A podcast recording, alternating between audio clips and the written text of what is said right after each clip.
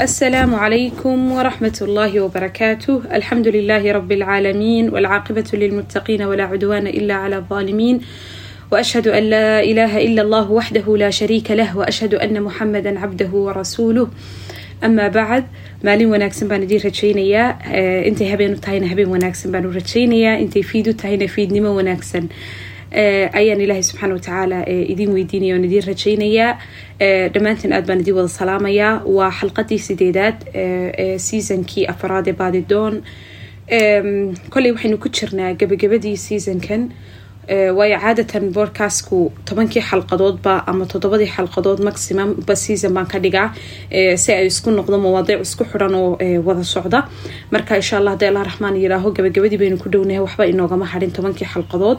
Waanan isku dayaya insha allah biidnillah intaan fasaxyada aanna gelin.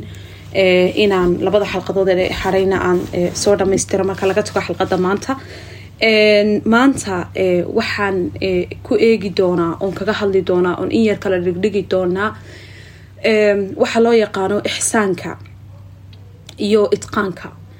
Waa laba sifo oo isku sidkan laakiin kala sareeya ilaahay subxaana watacaala qur'aanka in badan kaga hadlay.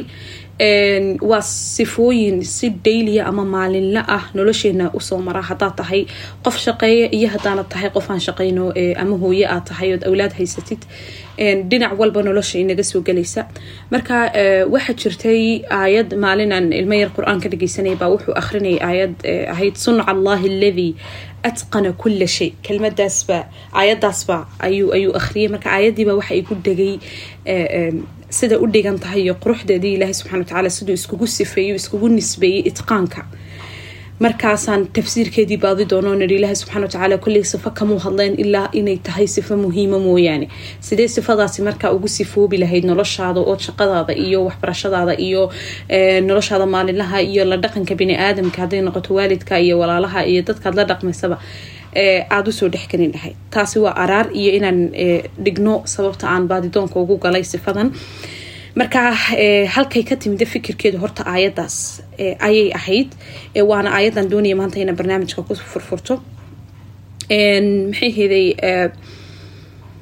sifo kasta amaba skiil kasta ama mahaaro kasta oo qofku doonaya inuu barto ama uu noloshiisa ku soo kordhiya waxay u baahantahay horta inuu yaqaano sifadani waxay tahay ama qeexitaankeeda laba inuu garanayo faa-iidada ay noloshiisa u soo kordhinayso. Saddex inuu garanayo siduu ugu tacaamulayo u joogteynayo waayo sifooyinku amaba skiilisku waa waxyaaba uu qofku soo kasbado. Tamaam xirfad ba af soomaali lagu odhanaya wakaa xirfad ayay ku noqonaysaa af soomaali mahaarana waa af carabi englishna waxay ku noqonaysaa skiil tamaam fa xirfadu doonaya qofku inuu soo kordhisto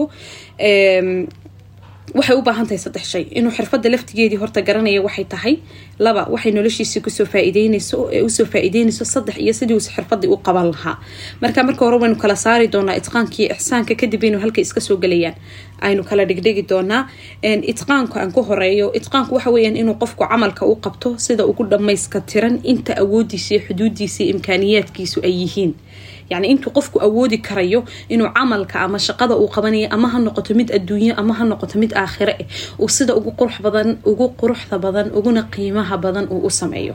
Taasa waxaa loo yaqaanaa itqaan. Ixsaanku isaguu ka duwan yahay. Xadiiska ku jira arbaciinka ee dheer ee cumar bin khadaab uu ka soo warinaya nabiga caleyhi salaatu wasalaam ee uu jibriil u imanayo waxaa ku jirta su'aaluhu jibriil nabi maxamed weydiinayay ixsaanka marka waa kii nabigu lahaa huwa an tacbud allaha kaanaka taraahu fain lam takun taraahu fainahu yaraak. Ixsaan waxaa la yidhaha huwa an tacbud allaha. Inaad ilaahay u caabudo kaanaka taraahu. Sidii aad ilaahay subxaana watacaala arkayso fain lam takun taraahu. Haddii aanad adigu ilaahay subxaana watacaala arkayna fainahu yaraak. Ilaahay subxaana watacaala isagaa ku arkaya. Tamaam haddaynu taasi waa tacriifka yani nabi maxamed caleyhi salaatu salaam uu ixsaanka ku sifeeyey waana sida ugu saxsan haddaan si kale u dhigo waxa weeyan waxaa laga wadaa qofku markuu camal qabanayo an laa tacmal alcamala waa inaanad camalka shaqo markaad qabanayso aad u qabato aanad u qabanu sidii ugu dhamayska tirane bal e waxbaad ku siyaadinaysaa waxaad ku siyaadinaysaa waa maxay inaad wanaagii ilan itqaankii baynu nidhi waa inuu qofku sida u wanaagsan uu qabto oo xuduud sida fiican u qabto. Ixsaanku wuu ka sii xeel dheer yahay. Isaga waa inaad intaad sidii wanaagsanayd sidii ugu wanaagsanaa aad u qabato ayaad weliba ku sii siyaadinaysa ixsaan kale ood wanaag kala sii raacinaysa ood samafal kaloo dheeraada. Aad la imanaysaa ama wax cusub ku soo kordhinaysaa amaba wanaagiibaad adu wanaag ku sii siyaadinaysaa oo yani markuu nabigu sifeynayay muxuu ku sifeeyey huwa an tacbud allaha kaanaka taraahu kaana inaad ilaahay subxana watacaala arkayso oo kale. Imagine yani allah subxana watacaala ayoo ku arkaya oo adigii arkayso inuu ilaahay ku arkayo. Sideed u tukanaysaa cibaadadaadu say noqonaysaa ilaa ayi madaabaad sida ugu quruxda badan ee qalbigaaga iyo jirkaaga iyo jawaarixdaadaba ka dhigaysaa qaar yani soo jeeda. Leanna waxaad arkaysa inuu ilaahay ku arkayo. Marka ixsaanku martabadaasu taaganya itqaanka uu ka sareeya muxuu nabigu ku gabagabeeyey fain lam takun taraahu fainahu yaraak haddaba haddaanad adigu ilaahay arkaynin ilaahay isagaa ku arkaya. Tamaam marka maxaa lagu leeyahay sida ugu fiican u qabo? Marka intaas darajadaas farqigaa yarbaa u dhexeeya itqaanku waa inaad camalkii sida ugu wanaagsan u qabato. Ixsaankuna waa inaad wax ku sii siyaadiso. Wanaaggii hore ee itqaanku uu lahaa ya. Labada sifana ilaahay subxaana watacaala labadaba wuu jecel yahay. Marka macnayaasha noocaas oo kale markay qalbigeena iyo niyadeena ay xaadir ku yihiin waxaad awood u yeelan karaysaa inaad ay noloshaadii aad ku baraarugsanaato shaqo markaad qabanayso mid adduunya iyo mid aakhiraba. Aad maxayheeday yani aad sida ugu fiican ugu wanaagsan aad u qabato. Diraasad baa jirta dalka norway lagu sameeyey oo lagaga lagaga waramayey lagu eegayey shaqaale taqriiban waxaan u malaynaya inay ahaayeen lix iyo konton qof muddo sanad ku dhawaadaba ayaa la raaqibayay oo la eegayay waxaa loo sameeyey waxaa loo sameeyey allahuma salli calaa sayidina maxamed waxaa loo sameeyey shaqaalahaas waxaa la baray itqaanka sida ugu fiican ee camalka u qaban lahayn training baa loo sameeyey waa la baray kadibna waxaa lagu yiri qaar kalena waxba lama barin si loo qaarinoo loo eego bal farqiga udhexeeya in kamida dadkaas training baa loo sameeyey waxaa la baray sida ugu fiican ee ugu fudud ay shaqada u qaban lahaayeen iskaga fududaydin lahaayeen culeysada ku dhacaya. Maxay heeday? Kuwa kalena waxaa loo sameeyey waxba lama barin. Fa labadii markii la isku geeyey ee la eegayay muddo sanad ah ayaa waxaa la ogaaday qoladii joogtayn jirtayna shaqada sida ugu fiican ee ugu wanaagsan u qaban jirtay ee itqaankii baratay inuu ka yaraaday saddex shay. Waxaa ka yaraaday iktiaabkii ama depressionkii faraha badnaayay qabeen iyo cabsidii iktiaabkiibaa ka yaraado depressionkii laba waxaa ka yaraaday cabsidii faraha badnayd ee ka cabsanayeen in shaqada laga eriyo. Saddex waxaa ku soo kordhay noloshoodii farxad iyo sacaado oo maxay haday waxay awood u yeeshan in culeysadii faraha badnaaye shaqada ka saarnaa ay ka yaraadeen markay barteen sidii ay shaqada sida ugu wanaagsan u qaban lahaayeen. Gadaal baynu ka sheegi doonaa qaabku qofku u baranayo ee uu sifadan amaba xirfadan uu noloshiisa ugu soo kordhinaya marka waxyaabahaasu itqaanku qabtaa oo daa'iman qofku markuu shaqo loo dhiibo uu shaqadii sida ugu fiicnayd ee uu awoodi karayay imkaaniyaadkiisa awoodihiisa ku jiran uu qabanayo ma warwarayo ilaahayna subxaanahu watacaala isagaa sifooyinkan sifadan laftigeeda itqaanka si faahfaahsan qur'aanka uga hadlay oo sheegay inuu bini aadanka sida ugu fiican ee ugu wanaagsan ilaahay subxana watacaala u abuuray. Markaynu ka hadlayno abuuritaanka sidoo kalena ilaahayba subxana watacaala yiri sunca allahi aladii atqana kula shay saan horaba u soo sheegay aayadda. Nabiguna caleyhi salaatu wasalaam mar uu ka hadlayay acmaasha iyo qofku sida uu qabanayo waxa uu yiri ina allaha yuxibu ilaahay subxaana watacaala wuxuu jecel yahay idaa camila axadukum camalan haddii mid idinka idinka midi uu camal qabanayo yani shaqo samaynayo camal qabanay an yutqinahu inuu sida ugu wanaagsan ee ugu fiican uu camalkaa u qabto ee uu awoodi karayo nabiga caleyhi salaatu wasalaam inoo sheegay marka xadiiskaasaaba inoogu filanba ahamiyadda ay xirfadani leedahay iyo inay nolosheena ka mid noqoto itqaankuna labunbuu kala baxaa mid waa itqaan adduunyo oo inuu qofku camaashiisa uu qabanayo adduunyada uu noqoto qaar maxay heday uu sida ugu wanaagsan u qabto midna waa itqaan ukhrawiya oo cibaadaadka iyo waxyaabihii uu adduunyada guudkiisa ku qabanayay inuu sida ugu fiican ilahi subxana watacaala inooga baahna at least ma wada gaadhaynay laakiin aynu dadaalno oo aynu sida ugu fiican u qabano kow waxaan ku horeynayaa ka aakhiro ka adduunyadu hay dambeeyo. Ka aakhiro waxaa laynaga rabaa inaynu itqaan la nimaadno cibaadaadkeena marka su'aasha isweydiinta le waxyaabaan isweydiinaya sidee baan ku gaari karaa darajadaas? Oo aan acmaashayda uga dhigi karaa mid ilaahay subxaanahu watacaala sida ugu wanaagsan ee ugu fiican ee aan ixsaanka u gaari lahaayeen u dadaali lahaa inaan xataa darajada ixsaanka gaaran yani aan naftayda yani sanu sharaxa yani ilaahay subxana watacaala soo maaha ixsaanku muu hayn an tacbud allaha kaanaka taraa yani inaan sawirto inuu ilaahay subxana watacala ay hortaagayo salaada aan tukanayo inuu ilaahay subxana watacala ay arkayo maalan waa tusaale uun. Marka sad afar shay baynu u baahan nahay eh, inaynu inaynu ku baraarugsanaano inaynu sida ugu fiican u qabano. Kow waa itqaan weysada. Markaynu weyseysanayo alitqaan alwuduu inuu qofku markuu weyseysanayo iska ilaaliyo sunankay weysadu leedahay faraaidka weysadu leedahay inuu sida ugu wanaagsan uu u weysaysto waa nabiga caleyh salaatu wasalaam lahaa man tawada'a fa axsana alwuduu'a kharajat khadaayaahu min jasadihi xataa takhruja min taxti adaafirihi. Soo maha yani midka man tawada'a midka weysaysta fa axsana alwuduu'a ee weysada wanaajiya. Kharajat khadaayaahu maxay heday muxuuha dunuubtiisii amaba khaladaadkii ka dhacay waxay ka soo baxaan min jasadii jirhkiisay ka soo baxaan xataa min taxti adaafirihi xataa cidiyaha hoostooda uskaga ku jira ayaa soo baxa. Marka waxaynu u baahanay saynu heerkaa u gaarhno inaynu sida ugu wanaagsan ee ugu qiimaha badan leh aynu u weysaysano taasi waa taas. Talabaad waxa weyaan itqaanu salaa qofku markuu tukanayo inuu wanaajiyo sida ugu fiican uu tukado kaanu inuu ilaahi subxana watacaala uu arkayo kale. Siduu u wanaajinaya kow inuu diyaargaroobo inuu si fiican u daahirsado oo weysadii soo dhaafnay imika inuu khushuucdii salaada ilaaliyo iyo inuu tamaaniino iyo deganaasho ula yimaado markuu tukanayo. Saddex waa soomka. Soomkuna shuruud buu leeyahay oo arkaan buu leeyahay oo waxba ku dheeraan mayno. Isagana inaynu ku dadaalno maskaxdeenu soo jeedo oo markaynu soonno aynaan afkun ka soominay aynu xataa jawaarixda dhammaan ka wada soonno. Aynu wax walbo soonka inaga jabinaya amaba ajarkiisa hoosu dhigaya aan isku ilaalino. Nabiguna caleyhi salaatu wasalaam waa lahaa man lam yadac qowla azuuri waalcamali bihi. Falaysa lilahi xaajatun fi an yadaca sawmahu wa salaatah ya. Marka qofka aan hadalka xun ee usuurkaya xumaanta aan ka tegin falaysa lilahi xaajatun min an yadaca sawmahu yani wasalaatah yani ilahi subxana watacaala baahi uma qaba inaad cuntadaadi iyo akalkaagii joojisee. Ilahi subxana watacaala wuxuu baahi yani wuxuu ilaahay nooma baahna inagaa u baahanay. Waxaa la inooga baahan yahay inaan yani xumaanta ka soono oynu wax walba ka soono oynu hadalka aan wanaagsanayn ka soono oynu sidii ugu dhamayska tirnayn ee itqaan la nimaadno oo aynu si fiican shuruuda soonka iyo arkaantiisaba u dhamaystirno taasina waa taas. Qodobka afaraad waxa weeyaan inuu qofku qur'aanka markuu akhrinayo sida ugu wanaagsan tilaawadiisa uu iska ilaaliyo. Daa'iman waxyaabahan barnaamijka ku soo celceliya waxaa ka mid a khasab maaha in qur'aanka la wada xifdiyo. Ee waxaa waajib ah inay dadku yaqaanaan qur'aanka sida loo akhrinayo qaabka sexda loo akhrinayo tajwiidkiisa inaynu barano tadaburkiisa inaynu fahano tamaam taasaa qodobkaasaa xoog muhiim u ah. Marka waxyaabaha itqaanka uu qofka tahay inuu la yimaado waxaa ka mid ah inuu ikhlaas la yimaado markuu qur'aanka akhrinayo oo niyadiisu ilaahi subxana watacaala khaalis u ahaato inuu aadaabtii qur'aanka uu la yimaado oo meel wanaagsan fadhiisto inuu sawt cod qurux badan uu qur'aanka ku akhriyo inay maskaxdiisu soo jeedo inaan waxyaabo kale ku mashquulsanayn oo qur'aankan gacanta uu ku hayo ixtiraamo inuu qawaacid tajwiid ilaaliyo qur'aanku tajwiid buu leeyahay qaab loo akhriyu leeyahay inaan waxaas dhan aynu ilaalino nabiguna waa kii lahaa almaahiru bilqur'aani maca safarati alkiraami albarara ilaahi subxana watacaala haynaga yeelo qolyahaasi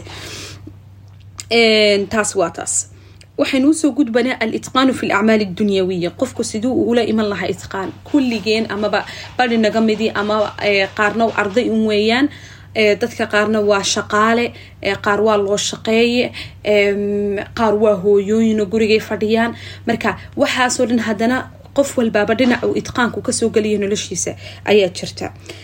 Marka waxa weeyaan waxaan niri soo maha itqaanku waa ixkaamu shay wa jacluhu calaa akmal wajh. Waa inaynu shayga sida ugu qurux bada badan ee u wanaagsan ee ugu fiican u qabano soo maaha.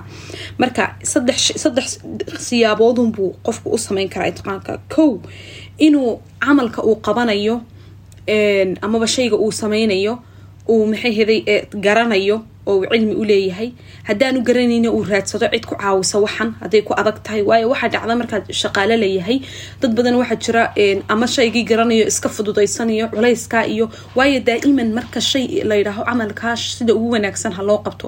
Waxoogaa brushur baa ku yara jira yani run markan ka wada hadano inaad shaqo u qabato mathalan iminka waxaa laga yaabaa ina classkii afar labaatan arday ay fadhiyaan afar iyo labaatanka arday waxaa lay muddo saacad ama konton daqiiqo xiisadii kontonka daqiiqo waxaa layga rabaa afar iyo labaatanka arday ina mid walba sida ugu fiican ay maskaxdeyda u soo jeedo inaan classka focus ka saaro ardayda wada eego nafsiyaadkooda kan ka dhageyso kan u maray kanaa dhaqaaqay waxaan tajwiidkii sharax yani hawl yar maaha jismiyan caqliyan waa tabcaysaa tamaam laakiin waxaad soo baxaysaa adoo laabtaadaasi qabowdahay oo degan tahay waad awoodi kartaa inaad iska fadhido waxba samaynin bas wax yar waxaad xariiqdo amaba kaalay akhri ka baxsan ama hadaad maado kala dhigaysa intaad maadadii wax yar u soo diyaarso qorta sameeya idinku aad tiraado bartaa iska fadhido. Oo jismiyan u raaxaysada laakiin damiirkaagii ma nasanayo. Tamaam fasaa waxaad qaadanaysaa xalaal kuugu noqdaan waxaad u baahantay inaad waxoogaa naftaada cadyaro dhigto ya laba waxyaabaha itqaanka fududeeya isagana waxaa ka mid marka acmaasha dunyawiga la qabanayo inaan qofku acmaasha dib u dhiganin. Shaqaa kuu taala. Hadaad istiraahdo beri baad qaban saxa dambaad qaban iska yara daa hadhow baad samayni waxaan iska yara qabo. Ood naftaada aad siiso fursad ah inay wax dib u dhigato. Taasna waxay keenaysaa marka inay dib u dhac ku imaado itqaankii. Hadhow tolo waqtigii ama deadlinekii lagu yidhi shaygan ku soo dhiib baa kugu soo dhawaanaya kadibna waxaa kugu dhacaysa marka inaad istirawn iska khaariji waxaan dedejiso marka waxaa la qaatay wax yaroo inaad yani wax yaroo noqon oo aan culays fara badanna ku saaraynin aad joogtiisa maalin walba aad qabato oo shaqooyinkii iska kala fudfududayso inaad samaysato. Qodobka saddexaad qodobka saddexaad haddaan mar labaad dib igu celiyo waxa weeyaan badli ljuhdi litatwiirihi wa taxsiinihi. Inuu qofku uu dadaal dheeraada ku bixiyo oo uu fahmo sida ugu fiicanaya uu camalkan amaba shaqadan uu qabanayo uu u qaban lahaa. Yacni wax baadh wax akhri. Wax markaad mathalan aad shirkad ka shaqaynaysidood mathalan ama aad tahay xisaabiye ama aad tahay kaashiyeer ama waa inaad baratid mar walba maxaa xirfadan aad qabanayso ku soo kordhay? Oo naftaada horumarisa haddii barnaamijyo cusub jiraan ama wax cusub jiraan mar walba qofku naftiisa kor u qaado tatwiiriyaba waxa u fududaata inuu shaqada sida ugu fiican ee ugu fudud uu u qabto. Haddaad hooyo tahay oo aad guri joogto ama aad inan tahay oo shaqo maalinlaa guriga aad ka qabato shaqada iska kala yaryare maalinba in qabo maxay heday naftaada tartiibi mar naftaada si mar awlaadaada si mar gurigaaga si subaxii hore u kac timekaaga iska time garaysato kolba wax iska qabo iska kala yaryaray hawsha si ay kuugu fududaato inaad wax walba sida ugu wanaagsan u qaban kar laakiin haddaad istiraahdo intaad tobanka kacdo haddana daqiiqadu qolalka ku soo wada hagaaj shaqadadii baa ku sugaysa huf dambab naftaa kaa baxaysa. Famaa tagdar waxaan sameynaynaa waynu iska kala fudfududaynanaa shaqooyinka. Wax walba kuu yeela haddaad adeeg u baahan tahay haddaad wax u baahan tahay maalin walba shay iska dhin jadwalkaaga shayga kale ku buuxi. Si aanad naftaada breshar iyo culays u saarin. Haddii kale waxaan oo dhan hal mar intaad nacdo ayaad faraha ka qaadaysaa. Taasina waa taas. Waxaynu u gudbaynaa waxyaabaha laga faa-iido thamaraat alitqaan waxa la yidhaaho.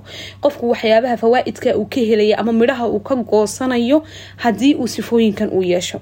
Runtiina wallahi noloshaydan waan ku arkay. Kow nayli rida allah ilahi subxana watacaala raali ahaanshihiisa ayaad ku kasbanaysaa. Waynanu rajaynayna ilahay inu raasi ahaanshihiisa kasbanno ee laba xusuulilbaraka noloshaada barakaad ku arkaysaa warwarka iyo walbahaarka iyo walaaca ku haysta eed ka baqanayso inaad shaqada lagaa eriyo amaba maxay heday baraka la'aanta mushaharka xataa lagu siinayo waxyaabo fara badan baa dhaca.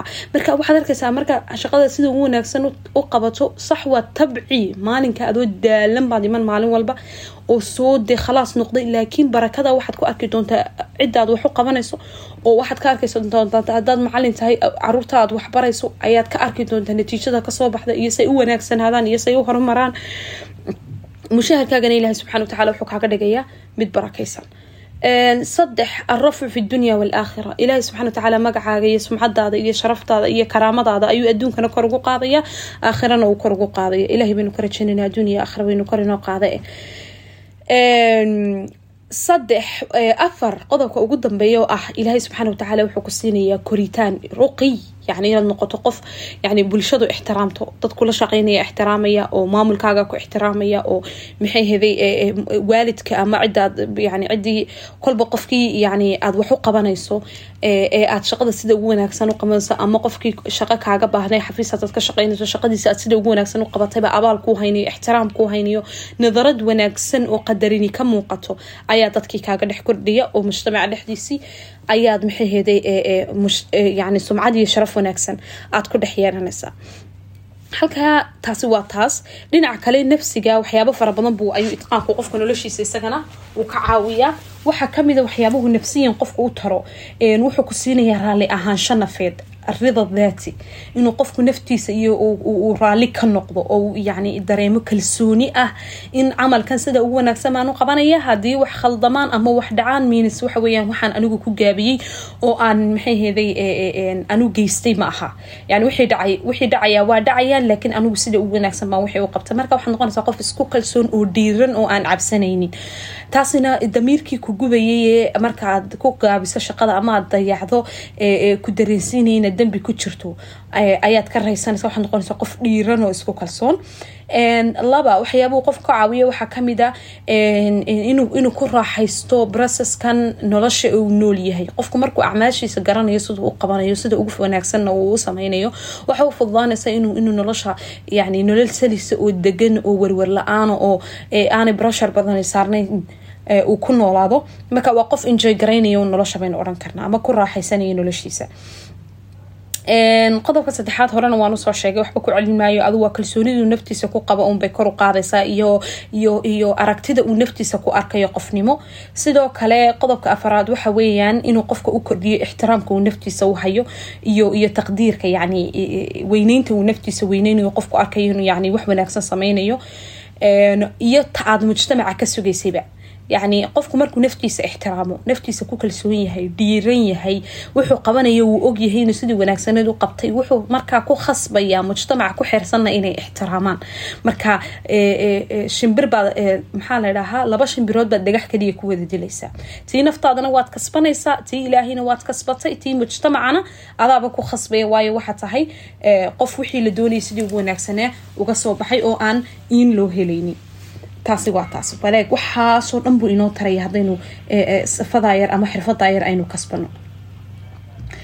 Su'aasha isweydiintale markaa inaga dhex guuxaysaa waxa weyaan sidee sidee ayaan naftayda uga dhigi karaa amaba u heli karaa sifadan inaan naftayda ku soo kordhiya ama xirfadan kow waxaynu u baahanay marka koowaad awalan horta qofku wuxuu u baahanya inuu naftiisa wanaajiyo tamaam oo yani wanaajinta naftana waxay ka bilaabantaa qofku inuu ilaahay subxaana watacaala barto xuquuqaadka iyo waajibaadku ilaahay kuleeyahay uu barto kadibna uu u soo dhaadhaco naftaydu xaq maxay igu leedahay sifo wanaagsan iyo camal wanaagsan markaanad qabanaynin ama aad isku aragto inaanad sifooyinka qaar ay ahayd ama xirfadaha qaar ay ahayd inaad haysato aanad haysanin naftayda naftaada weydiisa waxan miyuu ii fiican yahay hadduu ii wanaagsan yahay sideen noloshayda uga soo kordhin lahaa sideen u tatwiirin lahaa saan u horumarin lahaa oo wax uga qaban lahaa marka ixsaan nafs waxaasaa la ydhaha inuu qofku naftiisa horta isaga u samafalo.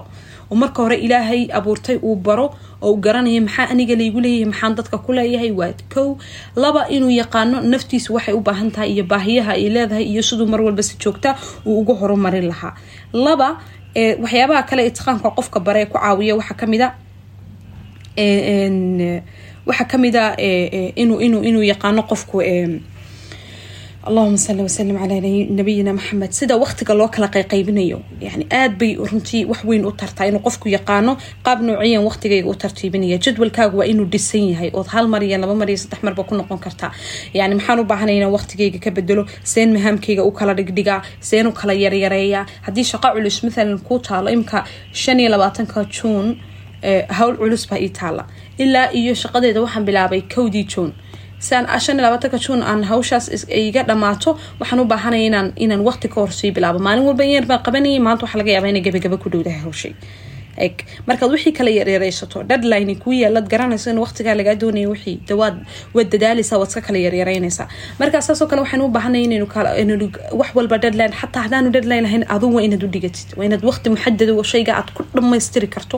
Aad intaad fogeysato waqtiga aad laakiin maalinba wax yaroo basiid oo naftaada iyo jirkaaga iyo caqligaaga cuslaynaynin waqti badanna kaa qaadanaynin aad aad u qabato. Waqti fiicanna aad isa waxyaabaha ka caawinaya ka mid tahay inuu qofku kasbado sifadan amaba xirfadan waxyaabaha qodobka saddexaadna waxa weeyaan waxyaabaha qofka aadka u caawiya ee xirfadan ku dhiirigeliya xirfadan oo keliya maahee ma garanaya inaad akhrideen kitaab baa jira la yidhaaho alcaadaat aldariya waa caan weeyaan kitaabka asalkiisa waa english maaha carabi maaha laakiin waa la turjumay. Kitaabkaas wuxuu ka hadlaa siduu qofku caadaadka iyo maxay heday uu caadaad cusub noloshiisa ugu soo kordhin lahaa ee u dhisi lahaa cala almada albaciid yani waqti fog. Maaha caadooyinka koobanood iminkoo keliya u baahantahay waa caadooyin aad yani sanado amaba cimrigaaga inta kaaga hadhay oo dhan aad ku sifaysnaan lahayd. Waxyaabaha ku xusnaa waxaa ka mid ah qofku markuu rabo inuu xirfad cusub soo kordhiyo eed xirfadii aad naftaadii ku bilowdo waxaad u baahan tahay inay jirto reward yani mukaafa'a yani waxaad naftaada ku abaalmarinayso oo maxay heday yani awood u siinaya inay sii wada shaygii. Ila waxani waxaad ku soo dhalatay maaha waxaad rabtid inaad imika bilowdo. Tamaam fasaaad u joogtayso waxaad u baahan tahay inaad naftaada ay jirto waxay yani ay filanayso waxa waxaa haddaan samayno saas waxaasaan naftayda ay kuu qabanaya ama waxaasaan kuu samaynaya marka waa inaad mukaafao iyo wax wanaagsan aada isu dhigto kadibna aanad naftaada u jarin aad shaygii naftaada aada u qabato. Waan iska soo koobi doonaa insha allah biidnillah waan dheereeyey. Waxaan doonayaayoo kale inaan ka hadlo oon ku soo gabagabeeyo ibnulqayim baa ixsaanka wuxuu u qaybiyey. Afar saddex martabadood buu u qaybiyey. Martabada koobaad wuxuu yidhi ama darajada koobaad ixsaanka wuxuu yidhi wuxuu sameyn an yakuuna cindaka ixsaanun fi lqasd yani darajada koobaad ee ixsaanku waxa weeyaan buu yidhi inaad inaad inaad niyadaadu yani aada ixsaan gashatoo tiraadid waxaa sida ugu wanaagsan baan u qabanayaa oo aada niyadii la timaadid ya? Alqasdiga waxaa laga wadaa niyadda inaad yani inay niyad kaa tahay inaad shaygan sida ugu wanaagsan aada u qabato ood ixsaan la timaado haddii markaa aad samayn kari weydo yakfi inaad niyadii shaygaa la timid. Waa hadaad qaban kari weydo. Maaha inaad isdhiganayso. Waad awoodi kari weyde.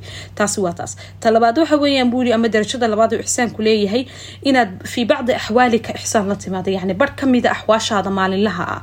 Amaba shaqada gurigaad ayaad ku wanaagsan tahay oo shaqadii amaba shaqada dibadaad ku wanaagsantaho sidii fiican u soo qabanaysaa marka wuxuu taqsiir ka imanaya dhankii guriga. Marka yani dhinacna waad ku wanaagsantahay dhinacna waxoogaa waxa yaro jira taqsiir marka taasina waa taas qodobka saddexaad wuxuu yidhi an yakuuna cindaka ixsaanu fi kulli awqaatika wahada aclaa shay.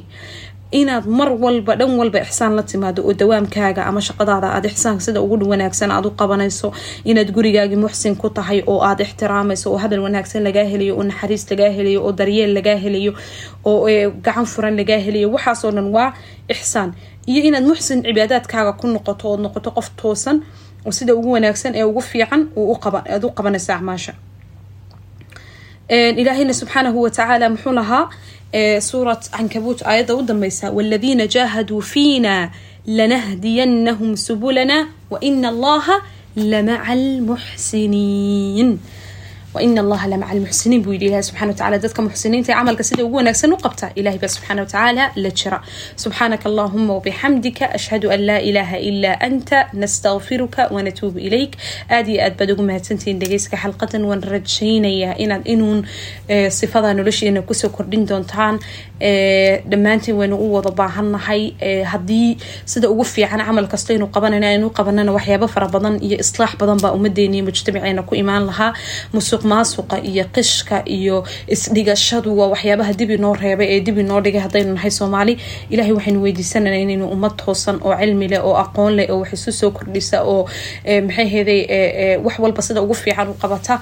Ilaahay inaga yeelo ummadeena ilaahay inoo hagaajiyo dalkeena alla inoo toosiyo madaxdeena ilaahay inoo hagaajiyo mujtamaca ilaahay ummad toosan alla inooga yeelo aad baan idinku soo ducaynaya jazaakum allahu khayra waaxsan allahu ilaykum wasalaamu calaykum waraxmat ullaahi wabarakaatuh